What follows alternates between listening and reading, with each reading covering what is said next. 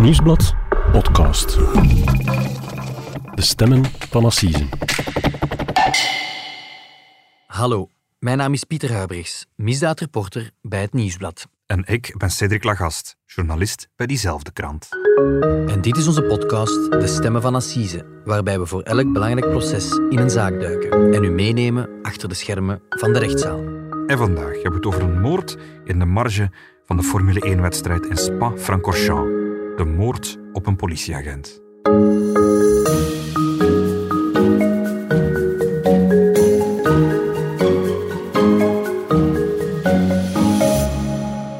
Dag Cedric. Dag Pieter. Cedric, goedemorgen. Welkom in onze podcaststudio op Linkeroever. Dankjewel. Ehm, het is een onvoorstelbare week geweest in justitieland. Ja, absoluut. Of toch vooral een onvoorstelbaar weekend. Hè. Vorig weekend is uitgelekt dat het misdaadmilieu plannen heeft gesmeed om de Belgische justitieminister Vincent van Quickenborne te kidnappen. Mhm. Blijkbaar wilden ze hem ruilen voor een drugsbaron die ergens eh, in de gevangenis zit. Ja. En wie dat precies is, daar eh, laten de veiligheidsdiensten nog niet het achterste van een tong over los. Eh, deze situatie die we nog niet hebben meegemaakt in dit land. We hebben twee weken geleden, denk ik, een podcast gemaakt over de kraak van het Sky ICC netwerk, waarin dat we ons al verbaasden over waar de drugsmafia allemaal toe in staat is. Toen hadden we het over die martelcontainers. Mhm. Natuurlijk, dat gaat over geweld bij criminelen onderling. Eh, hier viseren ze een justitieminister. Hier Hebben we lijkt een eh, nieuwe grens overschreden. Voilà, dat hebben ze in Nederland ook nog niet gezien. Hebben we in België nog niet gezien. Ehm, onvoorstelbaar. Cedric, we gaan dat uiteraard eh, van kort bij opvolgen en komen er allicht eh, later nog op terug. Ehm, wij trekken voor deze podcast naar Tongeren, waar een heel bijzonder proces zal starten. Een, een, iets heel vreemd, een moord die in het Waalse Spa is gepleegd. Ja, en toch in Vlaanderen voor de rechter komt, is eh, uniek. Alleen Mhm. niet, niet helemaal uniek, maar komt toch heel zelden voor. Waarom dat zo is, ehm, leggen we straks wel nog eens uit. Het gaat over een schietpartij, een schietpartij van vier jaar geleden. En het speelt zich allemaal af tegen de achtergrond van de eh, wereldberoemde autorace, de Formule 1 Grand Prix in Spa-Francorchamps. Een, ja, een evenement waar elk jaar weer opnieuw duizenden mensen naar komen kijken. En daar is iets grondig fout gelopen. Ja, ehm, het gaat over de dood van een politieman, van een, eh, van een hoofdinspecteur eh, bij de politie. Over de dood van een vader van drie kleine kinderen. Een overlijden dat in de zomer van 2018 heel veel mensen gechoqueerd heeft.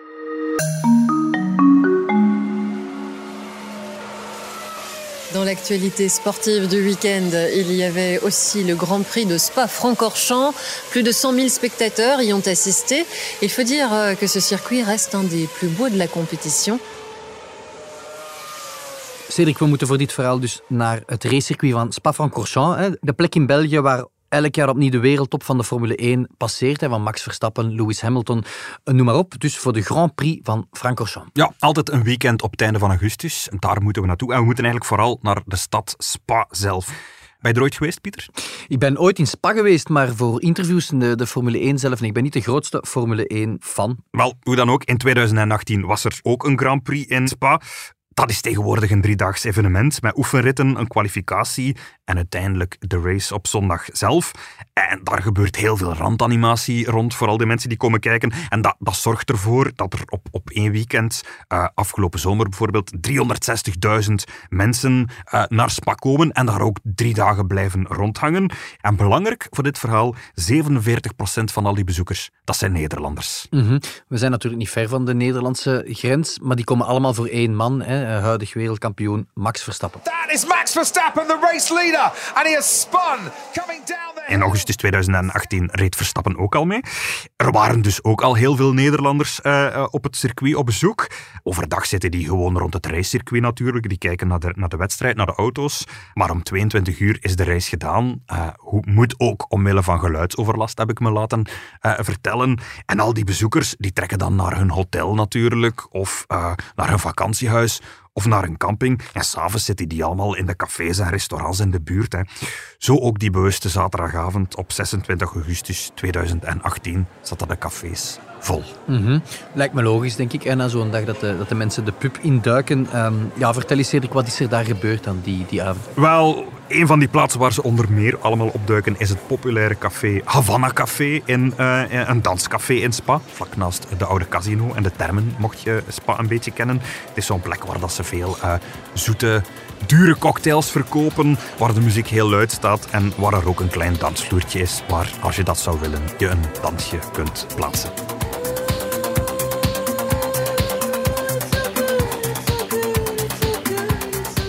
Presenteert zich een beetje als een, uh, een chicere zaak, want je moet 21 jaar zijn om binnen te mogen. Een beetje een hip danscafé. Wat hip zou ik misschien niet noemen, maar bo, een beetje elegantie wordt vereist. Zo, zo schrijven ze zelf op hun website. Uh, en toch, die bewuste avond rond twee uur s'nachts is er toch een incident. Uh, het café zit stampvol, er kunnen ongeveer 150 mensen binnen. Uh, maar er worden drie Nederlanders aan de deur gezet. Drie mannen over het waarom daarover lopen de meningen en de verhalen een beetje uiteen. Er is uiteraard stevig gedronken die avond. Er, er is een verhaal dat er uh, met een glas zou zijn gegooid. Er is een verhaal dat er iemand aan, aan het haar van een andere man zou hebben getrokken. Maar hoe dan ook. Uh, de zaak grijpt in en zet die drie Nederlanders buiten. Ze moeten vertrekken. En dus er is een portier die die mannen aan de deur zet. En die mannen kunnen daar niet mee lachen. Nee, twee van hen blijken het te kunnen aanvaarden. Er zijn cafés genoeg in Spa natuurlijk. Ze kunnen gewoon naar het volgende café. Maar één van hen, die keert nog een beetje op zijn stappen terug. Die, die wandelt terug naar de voordeur. En de portier van Café Havana, die ziet hoe dat hij iets uit, uit zijn broeksriem lijkt te willen grijpen. En een van die twee andere Nederlanders, die keert nog terug. Uh, die houdt hem zo een beetje tegen. Die lijkt hem een beetje te betaren.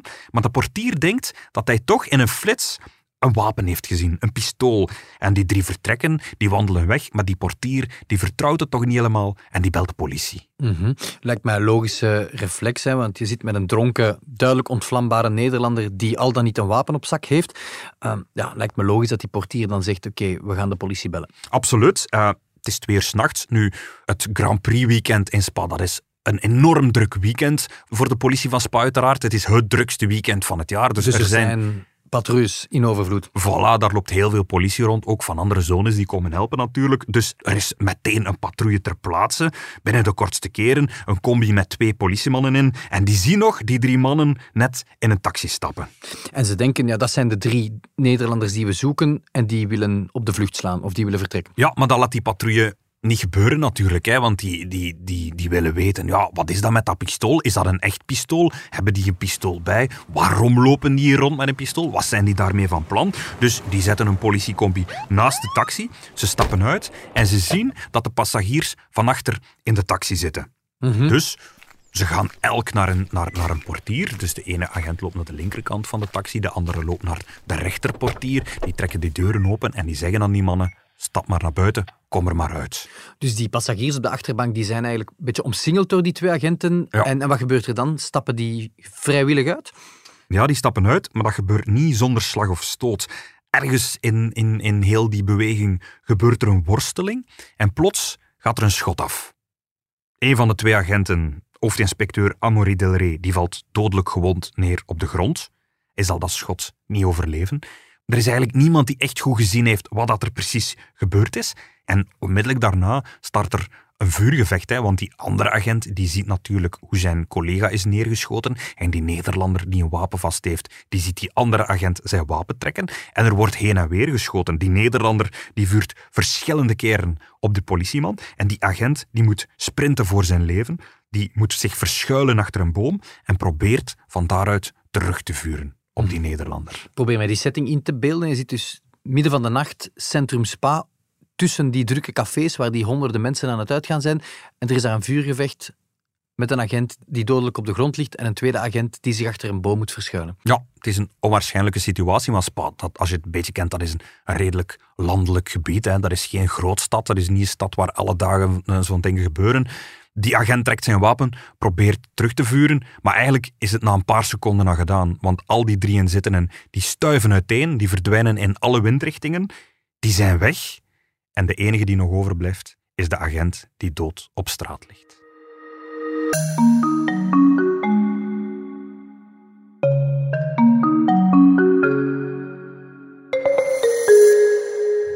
Une haie d'honneur formée par plusieurs centaines de policiers en provenance de tout le pays. C'est dans le plus grand recueillement qu'est arrivé le cercueil d'Amaury Delray à l'église de Teux cet après-midi. Ce père de famille de trois enfants a été transporté par ses proches collègues à l'intérieur de l'église. Le ministre de l'Intérieur lui a ensuite remis la croix civique de première classe pour acte de courage, de dévouement et d'humanité. We horen hier een reportage over de begrafenis eh, van eh, de politieman in kwestie, Cedric, van onze collega's eh, RTBF. Impressionante beelden hè, van, van zijn collega-agenten die een, een erehaag vormen. Ja, vertel ons eens, wie is die Amaury Delray? Wel, we moeten hoofdinspecteur Dilray zeggen. Hij was al op dat moment 38 jaar. En na het drama zijn er in, de kranten heel veel mensen aan het woord gekomen die uh, een portret van hem hebben proberen te schetsen. Hè. Want uh, ja, de dood van een politieman, dat heeft uh, heel veel teweeggebracht. Mm -hmm. En wat zeggen de mensen dan in die portretten? Wel, bijna overal komt naar voren dat het een, een zeer ambitieuze, ijverige politieman was. Plichtsbewust ook, volgens de, de toenmalige burgemeester van Spa, Joseph Houssa. Die heeft hem goed gekend. Hij zegt, ja, dat was een excellente agent. Uh, hij was menselijk, plichtsbewust dus, ijverig. Uh, hij had ook al de eerste examens afgelegd om commissaris te kunnen worden. En volgens de burgemeester was hij een stille, discrete agent die bijvoorbeeld ook de dienstroosters opmaakte. En hij werd eigenlijk een beetje beschouwd als de, de rechterhand, de adjunct van de toenmalige hoofdcommissaris van SPA. Mm -hmm. Een man met een onberispelijke reputatie die eigenlijk carrière aan het maken was binnen het korps. Absoluut, voilà. En hij was ook heel sportief. Uh, hij speelde basketbal, het was een trailrunner. Hij was getrouwd met Aurélie, ook een agente. En samen hadden ze drie kindjes tussen zes en tien jaar oud. Mm -hmm. Je zei daarnet al dat zijn dood heel wat teweeg heeft gebracht, tot ver buiten Teu, tot ver buiten Spa. Absoluut. Uh, in de eerste plaats uh, bij de politie zelf. En dan heb ik niet over de politie van Spa. Dat was echt de politie in het hele land eigenlijk. Hè. Uh, de dag na de moord hebben koning Filip en, en de toenmalige minister van Binnenlandse Zaken, Jan Jan Bon, een bezoek gebracht aan de politie van Spa om hen een, een hart onder de riem te steken. Maar eigenlijk uh, in alle korpsen in het hele land uh, werd daarover gesproken. Hè. Iedereen voelde zich daardoor getroffen. Ja, politiekorps één en ondeelbaar. Hè. Als er iemand sterft, dat, uh, dat zijn altijd grote, grote drama's. Ik herinner mezelf die begrafenis nog. We hebben er stukken over geschreven. Ja, het, het hele land keek daar als het ware naar. Ja, op het moment van zijn begrafenis hebben alle politiezones in heel België op dat moment een minuut stilte gehouden. En uh, de toenmalige premier, Charles Michel, maar ook de ministers van Binnenlandse Zaken, Jan Bon, uh, de minister van Justitie, Koen Geens, Kamervoorzitter Sigfrid Brakke en honderden agenten uit het hele land, die zijn allemaal naar de kleine kerk van Teu gekomen om die begrafenis uh, bij te wonen. Hè. En zoals we al in de reportage hoorden, al die politiemensen, die konden niet in die kerk binnen en die hebben toen een indrukwekkende erehaag voor de kerk gevormd. En het waren zijn collega's van het korps in Spa die zijn kist de kerk indroegen. Amaury, tu es une belle personne. Une personne précieuse. Une personne unique.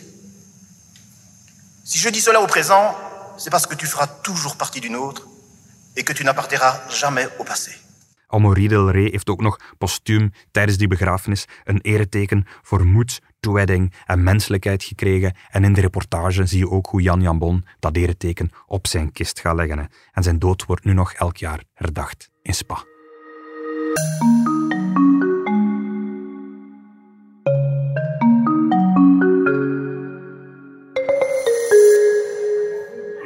Si, en l'air, sur et à la police, il lui a tiré dessus. Il est 2 heures du matin. La fusillade vient d'éclater. Amaury Delray est au sol. Un homme s'échappe du taxi et traverse l'avenue. Il est touché, mais continue. Celui-ci serait l'auteur présumé. Grande taille, veste noire, il prend la fuite, la tête entre ses mains. Cedric, horen hier een, een, filmpje van RTL, hè, die een video binnen hebben gekregen van een ooggetuige. Dus degene die de, de scène net nadien filmt. Hè. En, en, en we horen hier zeggen van, kijk, we, we zien de dader uit een taxi wegvluchten met de handen in het haar. Alsof hij denkt van, oei, wat heb ik nu gedaan? En je ziet die wegvluchten van, van de crime scene. Ehm, ja, wat er dan meteen start, denk ik, is een klopjacht op de dader of daders. Vertel eens, hoe is dat gebeurd?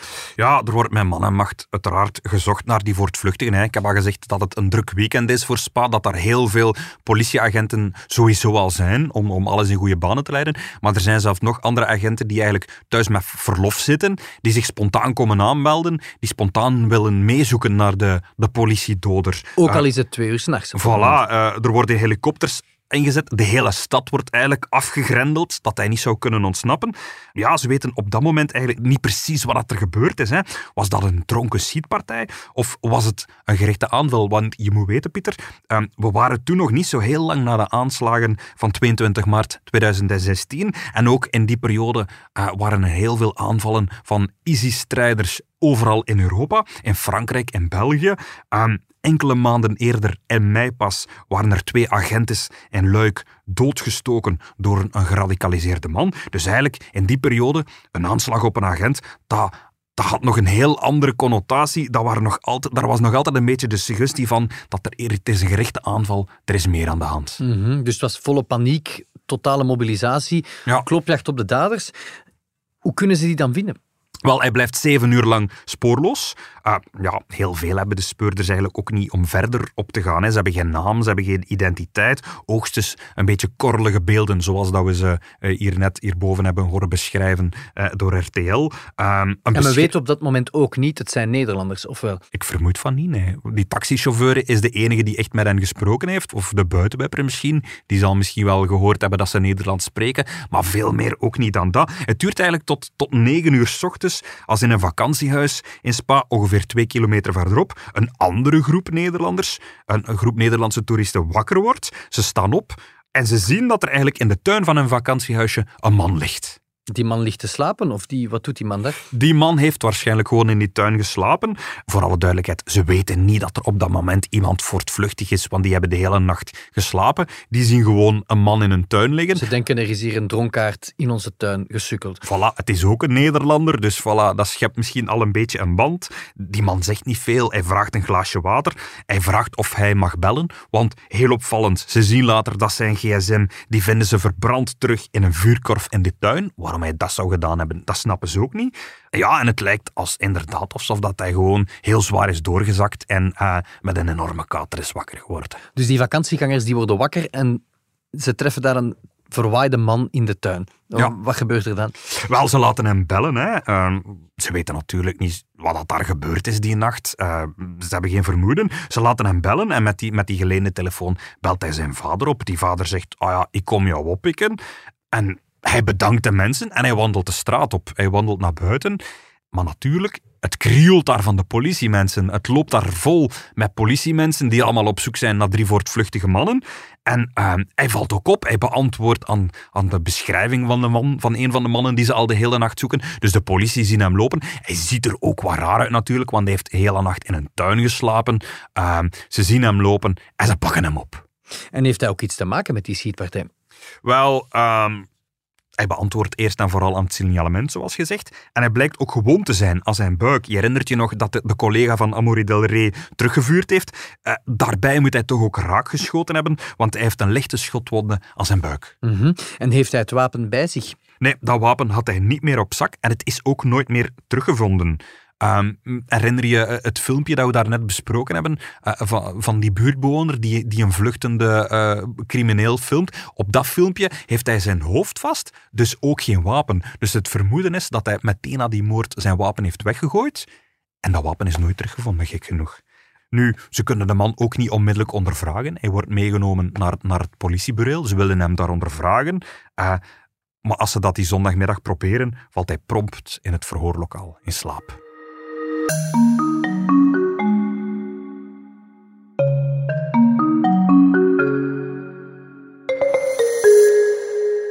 Er is dus een arrestatie. Cedric, wie is die man? Wel, hij is een Nederlander. Hè. Het is de dan 36-jarige Ivo Teunissen. Hij is in Spa, uiteraard, om naar de Grand Prix te komen kijken. Hij is eigenlijk met zijn hele familie naar België gekomen daarvoor. Met zijn vader, zijn broer, het gezin van zijn broer en nog een vriend. Allemaal zijn ze grote fans van Max Verstappen. En alle zeven verbleven ze eigenlijk met twee caravans op een camping in Teu, Camping du Panorama. Mhm. Want op dat moment zijn er nog twee andere daders voortvluchtig. Vinden de speurders die andere mannen dan op die camping?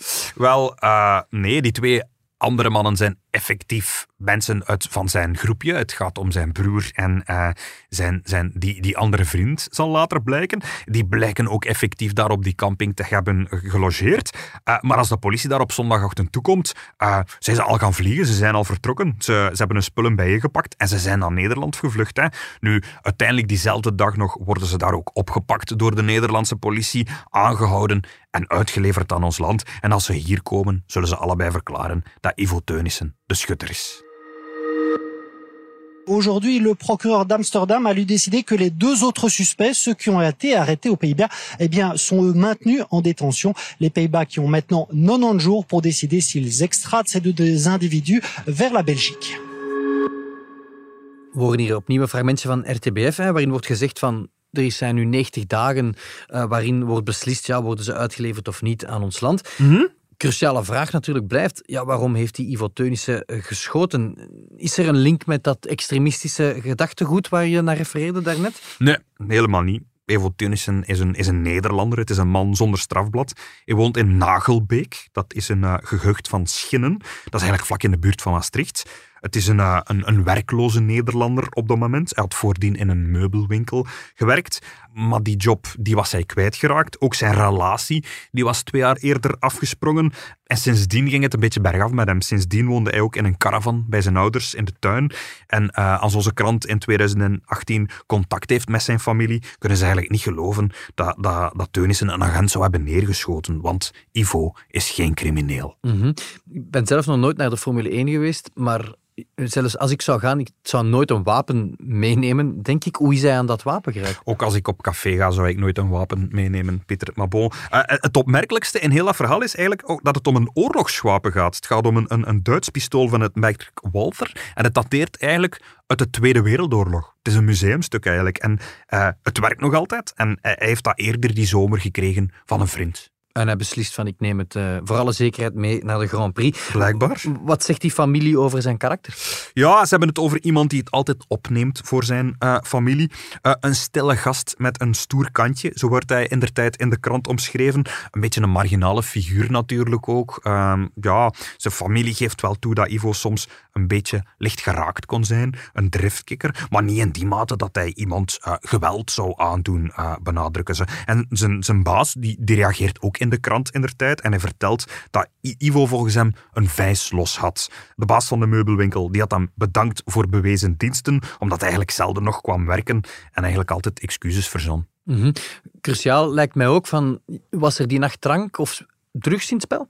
Uh, er was die nacht veel drank in het spel. Allee, iedereen vertelt toch dat Ivo Teunissen uh, flink gedronken had. Maar hij was ook een geoefend drinker, zo blijkt. Uh, en ook drugs, hè. Ivo Teunissen gebruikt ook drugs, veel drugs. En in, in der tijd vertelden de buren in de krant ehm, dat hij zelf drugs verkocht aan de tieners in zijn straat om een centje bij te verdienen. Dus hij was een soort van dealer ook? Ja, Absoluut. Mm -hmm. Als we dan even naar de schietpartij zelf terugkeren, ja, waarom heeft hij geschoten? Wat is, de, wat is de reden dat hij die nacht een agent door het hoofd zou schieten? Dat is de cruciale vraag, Peter. En het, het zal ook de cruciale vraag op het proces blijven, denk ik. Want hij kan het zich allemaal niet herinneren. Dat is zijn uitleg. Het is allemaal één zwart gat.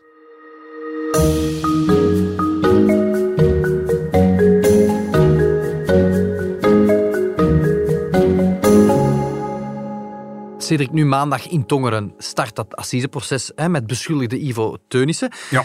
Ja, je zegt het al, hij herinnert zich niets meer van de feiten. Toch zal het proces daar rond draaien, hè, over het waarom, het motief waarom hij die agent moest, uh, moest neerschieten. Mm -hmm.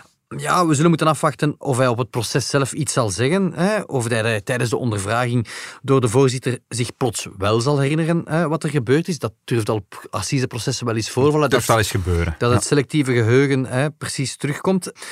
Wat ik nog altijd niet begrijp, Cedric, het heeft plaatsgevonden in Spa, provincie Luik, en toch komt er een volksjury in Tongeren samen. Ja, dat is heel opvallend. Hè. En dat komt natuurlijk omdat Ivo Teunissen Nederlandstalig is. Het is een Nederlander. En dan heb je het recht om een proces in het Nederlands voor een Nederlandstalige rechtbank te vragen. Dat je uh, berecht wordt in je eigen taal. En daarom komt hij dus niet voor een Luikse, want Franstalige rechtbank, maar voor, voor het Hof van Assisen in Tongeren. Ik kan me voorstellen dat dat voor de familie van Amory Del Rey wel sneu is, want zij zijn Franstalig en zij moeten plots zo'n delicaat proces over de dood van hun vader, van hun, van hun, van hun partner, volgen in een, in een landstaal die hun niet eigen is. Ja, absoluut. Zijn weduwe heeft al laten verstaan dat ze het proces wil volgen, want zij zit natuurlijk met heel veel vragen. Zij wil weten waarom Teunissen haar man heeft doodgeschoten, waarom dat dan nodig was. Maar zij is Franstalig en eh, ja, ze vreest natuurlijk dat ze heel veel nuances van dat proces niet zal snappen, want zij moet zich als burgerlijke partij behelpen met een tolk eigenlijk. Mhm.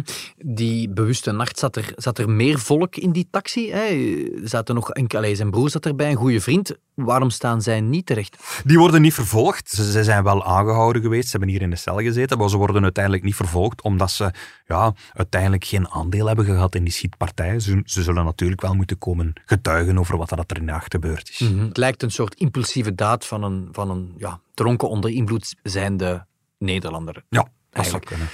Proces start dus in maandag. Ja. Wie is de advocaat van de beschuldigde? Dat is de bekende Brusselse strafpleiter Sven Marie. In Brussel start later dit jaar, we weten nog altijd niet precies wanneer, het proces over de aanslagen op de luchthaven van Zaventem en metrostation Maalbeek. Marie was aanvankelijk eh, de advocaat van Salah Abdeslam. De hoofdbeschuldigde. Voilà, maar hij heeft zich teruggetrokken en in plaats daarvan is hij nu de advocaat van Ivo Teunissen in Tongeren. De weduwe van Amaury Del Rey, hebben we gezegd, die komt ook naar het proces. Zij heeft eh, de strafpleiter Dimitri de Beko als advocaat onder de arm genomen. Hem zagen we al als advocaat van eh, Steve Bakelmans op het proces over de moord op Julie van Espen. Eh, en hij kent de weg naar Tongeren, want hij was ook een van de advocaten op het Aquino-proces. En ook de politiezone van Spa, de collega van Amaury Del Rey, die er toen die nacht bij was, en de ouders van de overleden agent, die hebben zich allemaal burgerlijke partij gesteld. En hun advocaten zijn Gino Houbrechts en Alexandre de Fabri-Bekkers. En wie is de openbaar aanklager in dit proces? Dat is de Antwerpse substituut-procureur-generaal Ken Witpas. Gekende naam. Ja, hij was jarenlang de drugsmagistraat in Antwerpen. Hè. Hij was de man die de war on drugs mee moest voeren tegen de drugsmafia in de Antwerpse haven en is nu doorgeschoven naar het Antwerpse parket-generaal. We zagen hem al eerder als aanklager in de Antwerpse assisezaal. Bijvoorbeeld vorig jaar op het assiseproces van Tom Patin, eh, die terecht stond voor de moord op zijn vrouw Berenice. En de voorzitter in het proces is de Antwerpse assiserechter Dirk Thijs. Ook een eh, zeer ervaren rot. Absoluut. Oké. Eh Cedric, daarmee komen we aan het einde van eh, deze aflevering van De Stemmen van Assise. Ja. Wij gaan het proces volgende week maandag volgen, uiteraard, eh, in de krant, op de website, maar ook op eh, Instagram Stories. De Stemmen van Assise kan je eh, dagelijks updates eh, volgen van wat er in de rechtszaal gebeurt. Oké. Rest mij enkel nog u eh, ongelooflijk te bedanken om dat eh, trieste verhaal van Amaury Del Rey hier te komen uiteenzetten. Graag gedaan, Pieter. En dan zien we elkaar eh, volgende week terug voor een nieuwe aflevering van De Stemmen van Assise. Tot volgende week. Voor we deze podcast neerleggen voor deze week, beste luisteraar, moeten we ja, inzoomen eh, noodgedwongen op de actualiteit. Eh, het is een, eh, het is een ongelofelijke week geweest. Niet alleen was er dus de verijdelde ontvoeringspoging van onze eigen justitieminister Vincent van Quickenborne. Dat zit zich eerder te kaderen in het drugsmilieu. Maar afgelopen woensdag in Merksem in Antwerpen is er ook iets uitzonderlijk gebeurd. Ehm, ja, daar is een, een huiszoeking falikant verlopen. Dat was een actie van de federale politie in het kader van wapentrafiek en rechtsextremisme. En het federaal parket heeft eigenlijk beslist om woensdag over te gaan tot huiszoekingen op een tiental plekken in Vlaanderen. Ehm, focus lag op Merksem, waar ene Jannik Verdijk eh, woonde. Jannik Verdijk was een edelsmid, een wapenliefhebber ook, een enorme wapenverzamelaar, weten we. Intussen had meer dan 100 wapens in huis en had ehm, ja, heel wat gekke ideeën. Was een complotdenker die eh, vreesde dat het einde van de wereld nabij was, was een, een, zo- een zogenaamde prepper. En dus het federaal parket meende dat er moest ingegrepen worden, want horen we dan toch eh, via gerechtelijke bron, was er een dreiging, mogelijke dreiging, dat er eigenlijk een, ja, een terroristische aanslag zou gebeuren. Dus ja, woensdag is er besloten om binnen te vallen op die plekken. En ja, zoals ik daarnet zei, dat is dramatisch valikant verlopen. Hè. Wat is er juist gebeurd? Vijf uur s ochtends zijn de speciale eenheden daar binnengevallen, Franstalige eh, speciale eenheden. Op een bepaald moment is daar taguil geroepen. Hè. Hou je mond eh, richting, richting het slachtoffer, richting Jannik Verdijk. En dan is er een vuurgevecht geweest. Wat daar precies gebeurd is, ja, dat, eh, dat weten we niet. Er is geschoten. Hè. Buurbewoners hebben daarover getuigd dat ze meerdere schoten hebben gehoord. Ja, en finaal is Jannik Verdijk doodgeschoten. Volgens het federaal parket heeft Jannik Verdijk eerst gevuurd op de speciale eenheden. Jannik Verdijk is daar ter plaatse gestorven.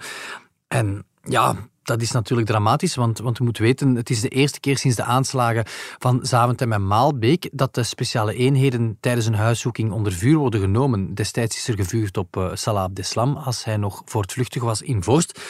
Dat is opnieuw gebeurd.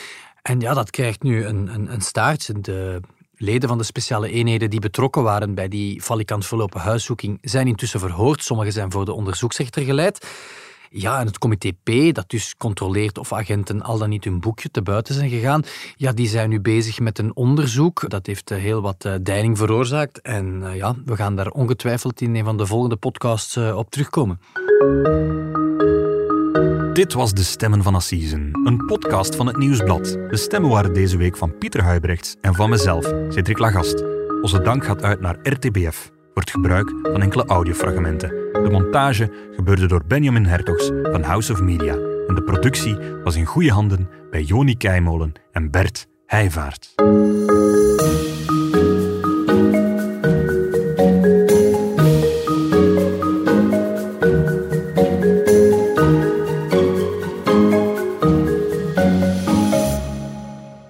Heb je de andere podcasts van het Nieuwsblad al beluisterd? Seks verandert alles, Het punt van Van Impe, Vrolijke Vrekken, Shotcast en De koers is van ons.